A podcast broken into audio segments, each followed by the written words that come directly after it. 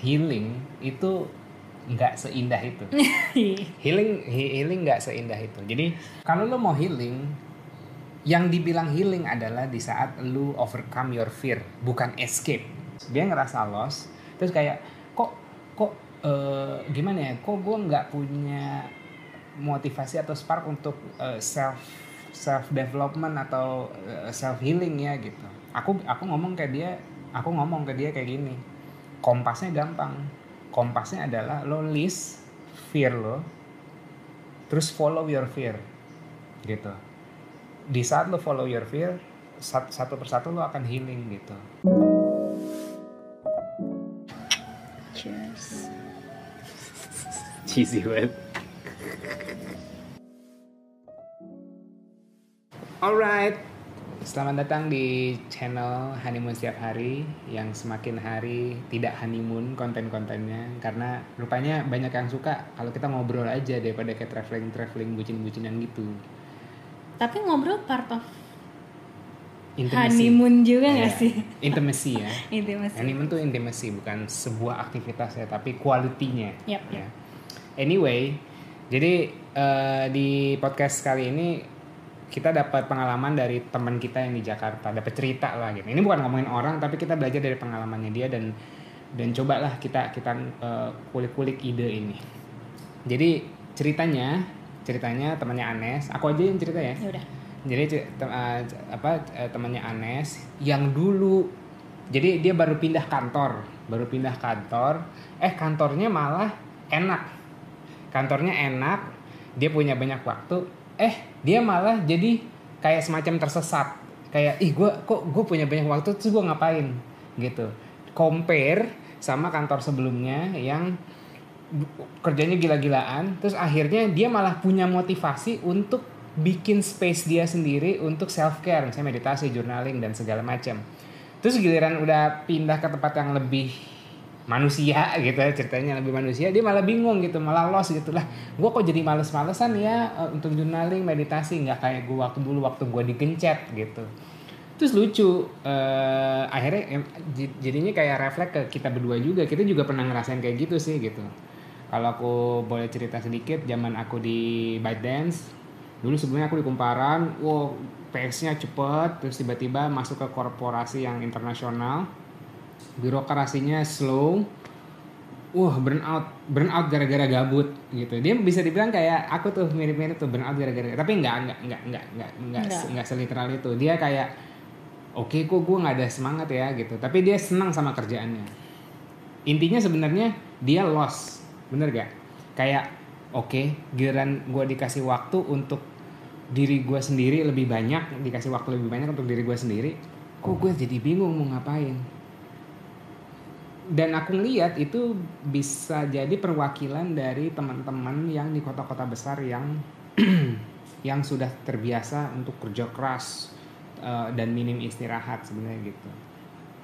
Terus eh, ya ya kayak lucu aja gitu. Akhirnya kita ngobrol-ngobrol kita tanya-tanyain kayak lah bukannya nggak apa-apa ya? gitu. Bukannya malah bagus sih tapi kayak gue jadi nggak semangat gitu. Gitu ya. Gue jadi nggak semangat gimana ya? gitu Tapi tapi maksudnya kalau dari cerita itu mungkin aku kalau tadi kan dari cerita kamu. Hmm. Aku cukup relate sebenarnya sama cerita Hmm. dia karena waktu itu pas eh, awal awal-awal aku resign tuh Hmm. yang dari Starbucks itu kan. Hmm. Terus em ya all my life I only know corporate jobs gitu Hmm. kan gitu. Hmm. Niatnya sih mau berbisnis gitu kan. Oke, akhirnya ngambil sekolah bisnis emang sengaja juga buat eh, apa namanya? Ya pengen melatih skillnya, pengen Hmm. ngebangun gain knowledge-nya gitu. Tapi ternyata ya pas eh, apa namanya aku coba ngejalanin bisnis ternyata itu sesuatu hal yang baru jadi banyak adaptasi bingung dan segala macam gitu jadi di momen itu aku ngerasa even aku mencari kesibukan Hmm. yang tadinya tuh itu tadi yang tadinya sebenarnya punya banyak space untuk explore aku explore sih gitu tapi exploring hal-hal yang eh, yang sebenarnya membuat kamu sibuk aja sebenarnya. Iya iya iya iya. Aku cuma mencari semacam kesibukan, bukan memanfaatkan waktu sebaik mungkin di mana goal aku berada misalnya kayak gitu. Hmm.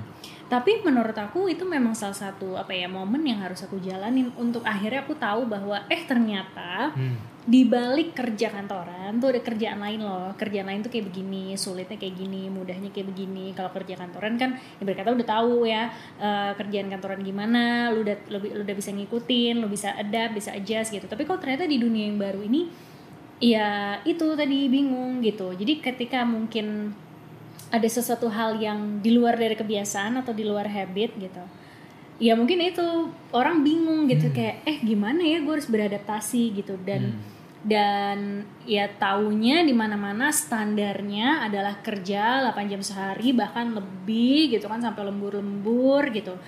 Jadi itu tadi gitu giliran dapat rasanya dapat environment yang enak lah. Iya. Biasanya disiksa, Eh-eh, dapat space buat diri sendiri, malah bingung. malah bingung gitu. Jadi kayak bingungnya tapi sebenarnya bukannya menurut aku ya bukannya bukannya jelek tapi lebih ke arah yang kayak gue tidak terbiasa atau gue nggak tahu kalau gue punya waktu kayak gini nih bisa gue apain gitu hmm.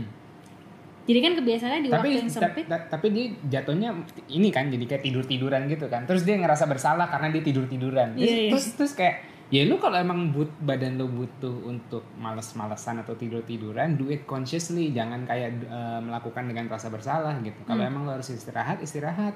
Secara sadar secara penuh. Jangan jangan ngerasa bersalah istirahatnya. Karena pas aku tanya lu udah digencet berapa lama emang di kantor lu? Tiga tahun gitu kan.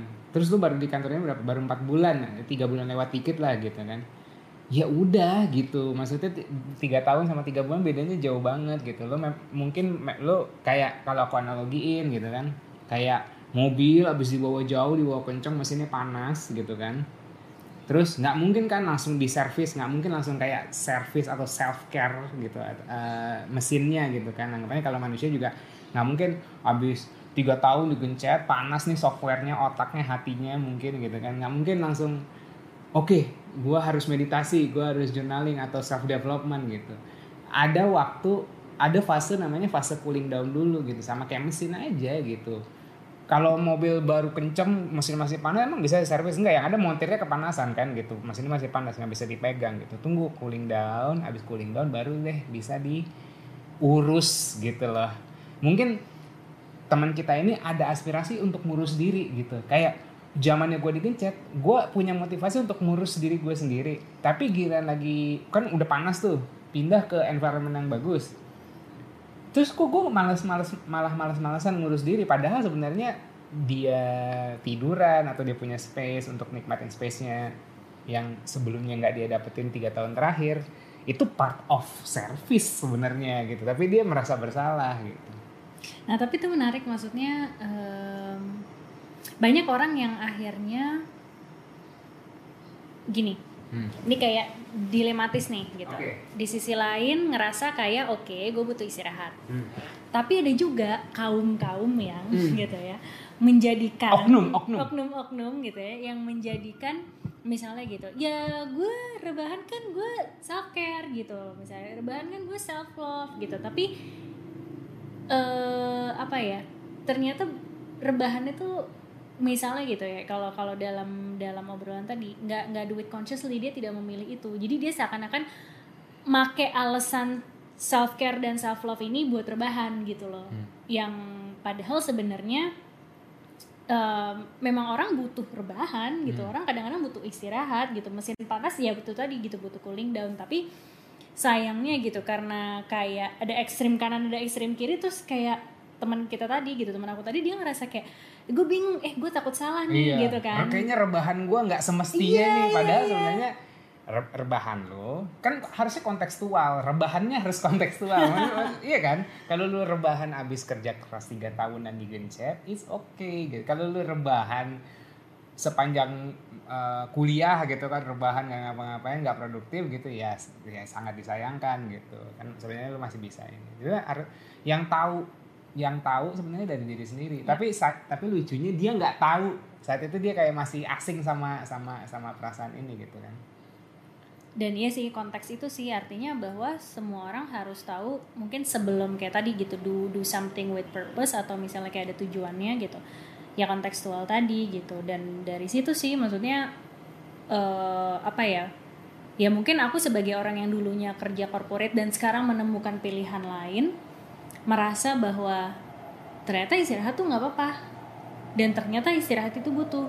Iyalah. Karena kalau misalnya dengan istirahat akhirnya gitu ya aku ngerasain dengan istirahat aku besok kerjanya lebih produktif. Iya. Kalau dulu aku nggak gitu kayak oh pokoknya kerja kerja kerja. Istirahat ya udah secukupnya cuma tidur aja gitu. Seakan-akan kayak kasarannya nih tidur 8 jam juga merasa bersalah gitu misalnya. Tapi Iya. ya aku inget banget gitu ketika ada momen-momen misalnya aku capek banget ada aku pernah tidur sampai belasan jam kayak Hmm. ya udah gitu kan. Kalau memang itu dibutuhin gila bener iya waktu sama aku ya. Jadi ada satu momen kamu masih di kantor lama tuh? Ambil cuti ya?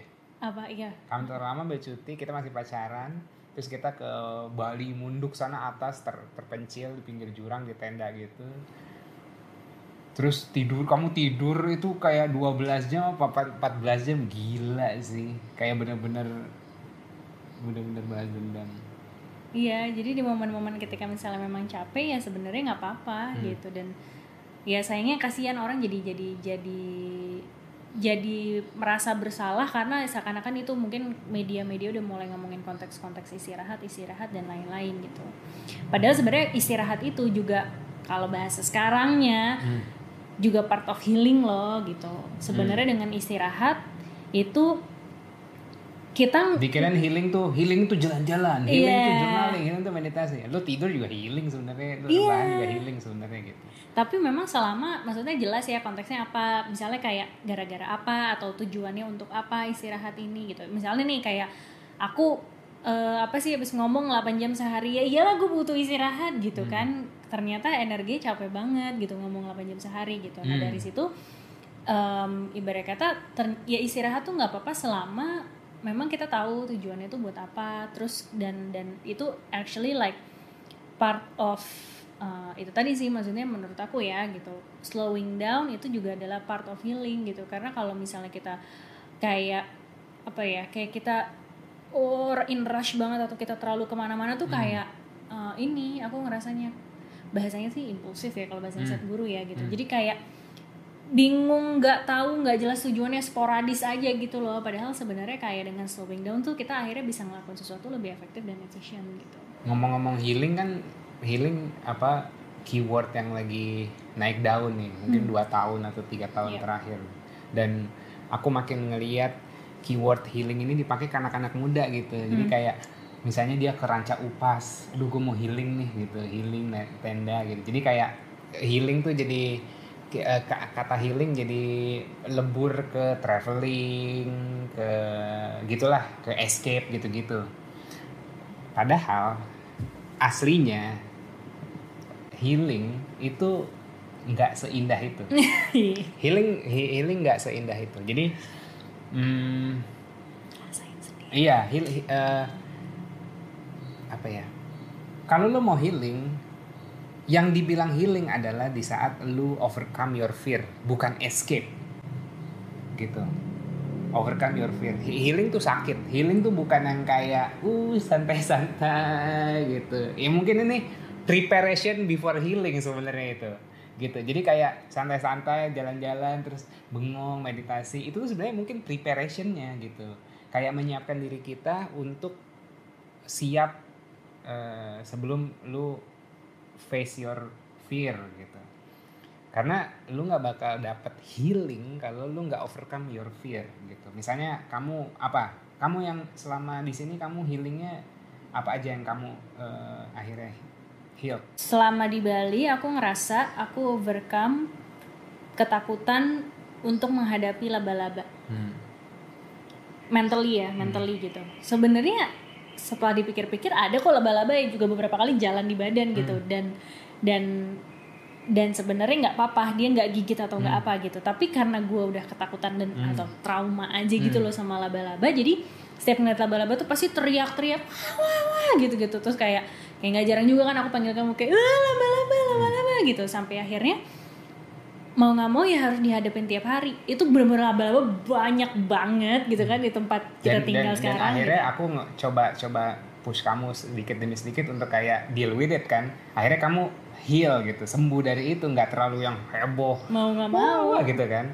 Terus apa kayak kamu ada wounds kamu ada wounds di body gitu kan. Kamu Iya. sensian kalau di ngomongin body ngomongin gendut gitu kan malah gua konfront tuh sama lu gendut? gitu. Eh, eh, ini realitanya kayak gitu dan eh, pa- apa it's sign of you not taking your body gitu. Taking care your body gitu. Akhirnya ya udah kamu kamu kamu uh, face the fear.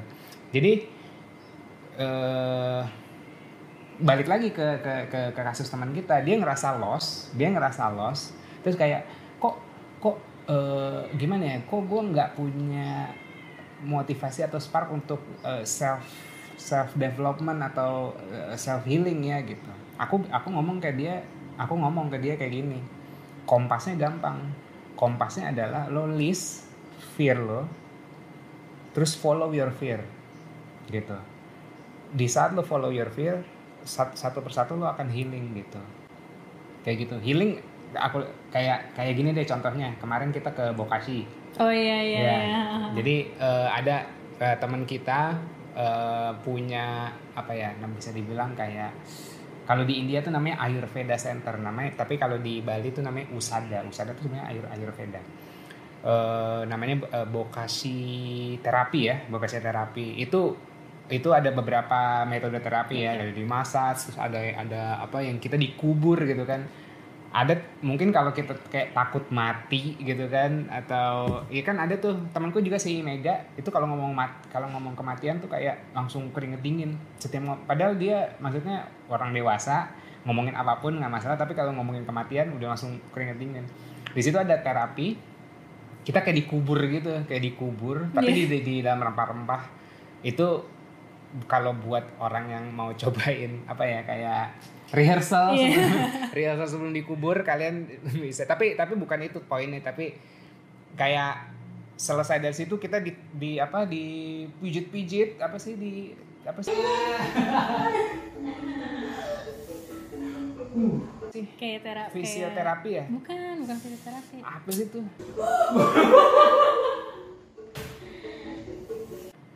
ya ini pijit-pijit kakinya telapaknya itu terus kan sakit parah gitu. It's part of the healing. Itu itu yang namanya healing gitu. Lu kayak bagian yang bagian yang nggak bener bagian yang luka diberesin ya pasti sakit gitu. Sakit?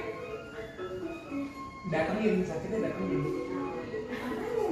Kita datengin secara mental kita datengin gitu. Iya diterima. Benar gitu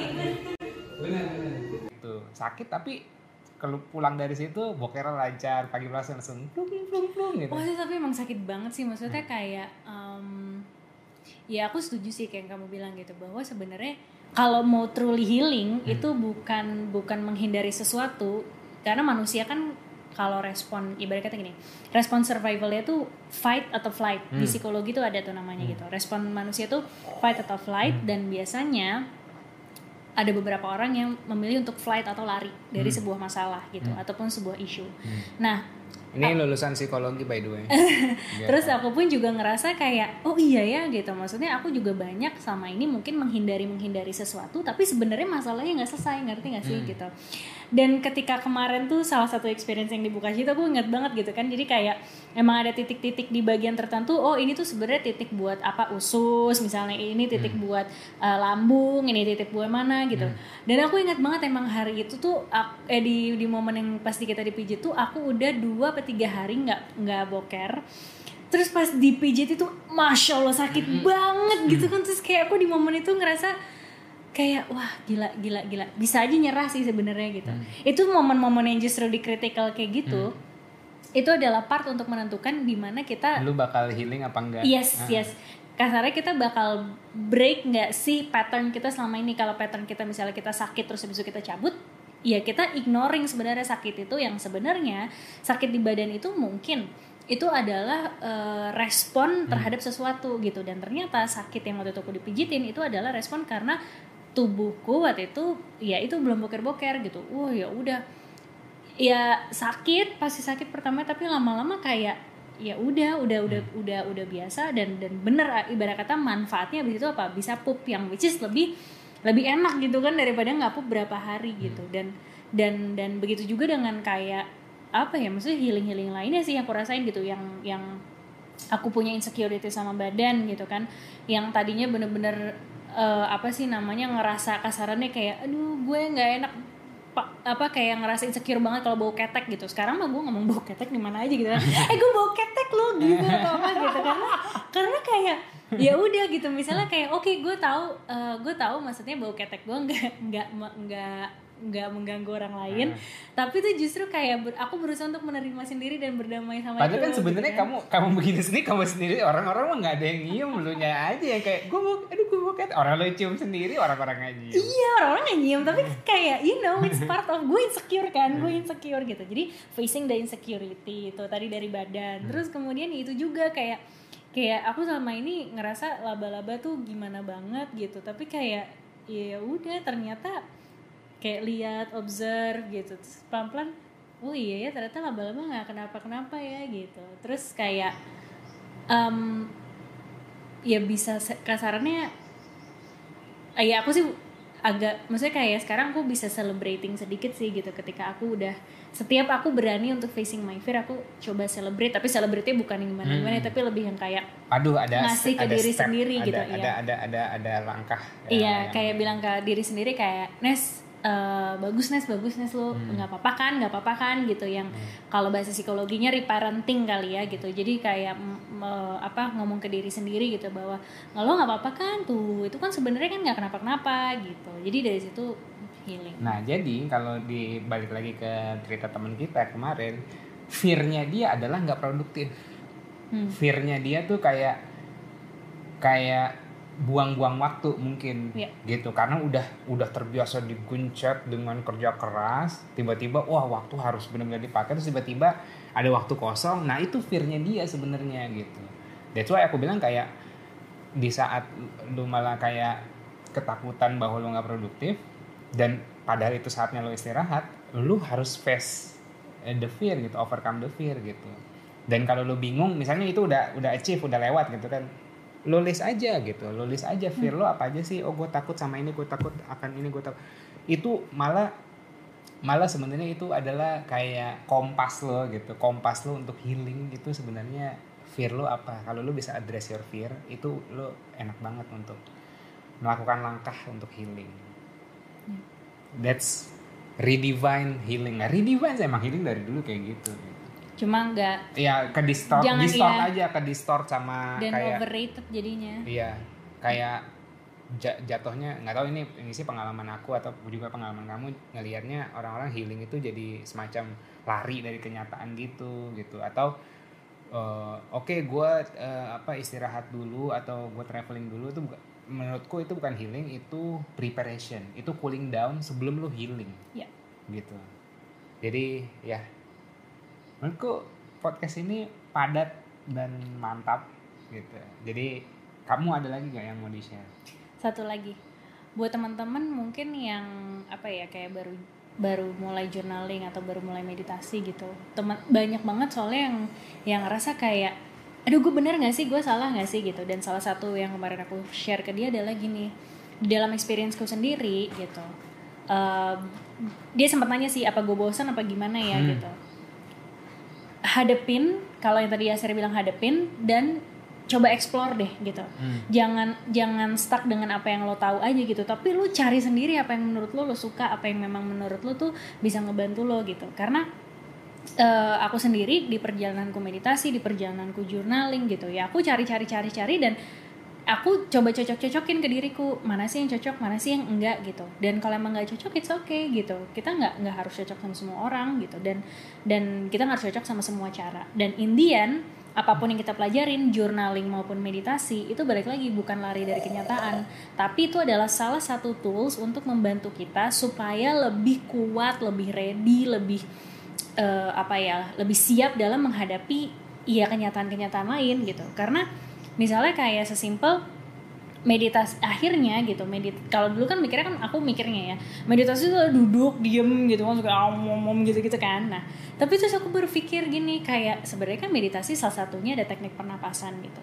Dan sejak berlatih meditasi sekarang kalau misalnya gitu ya gue lagi sebelah malo aku udah tinggal tarik napas aja kayak Hmm. gitu loh. Jadi ternyata kayak teknik-teknik si meditasi journaling tools-tools yang kayak gitu self care ataupun itu itu membantu kita buat apa menghadapi masalah menghadapi ketakutan tadi supaya kita lebih siap akhirnya we can overcome the fear Iya, dan tools itu mesti mesti lu latihan pakai toolsnya, nggak tiba-tiba oh pakai meditasi langsung gini nggak. Hmm. Ya lu latihan kayak pistol gitu kan sehebat apa pun pistolnya kalau yang megang nggak jago ya nggak jago gitu. Kamera sebagus apa pun kameranya kalau nggak jago fotografernya nggak ya nggak jago gitu.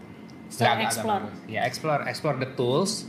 Explore the tools bukan berarti lu cobain semua tools lu jadi kayak ahli enggak enggak yang tahu lo ahli apa enggak ya diri lo sendiri gimana lo menghadapi ketakutan lo dan akhirnya ketika nanti eventually tahu sendiri kok gitu beneran gak sih tools ini bisa membantu kita tadi overcome some fear overcome sesuatu kita mendapatkan benefit-benefit apa pun lah yang dibilang di luar sana gitu dan gak usah terlalu terpaku sama teori-teori sih gitu Hmm. Indian lakuin aja sih.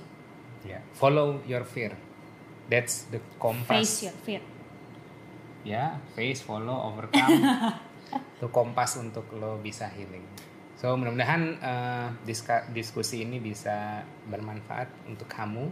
Dan yang penasaran bokashi terapi itu apa nanti kita taruh di eh, apa di apa sih? Description udah lama nggak ngupload YouTube jadi bingung. Nah, namanya di description kalau mau cobain bokashi terapi. Adanya di Bali satu-satunya di Indonesia. Ya. oke?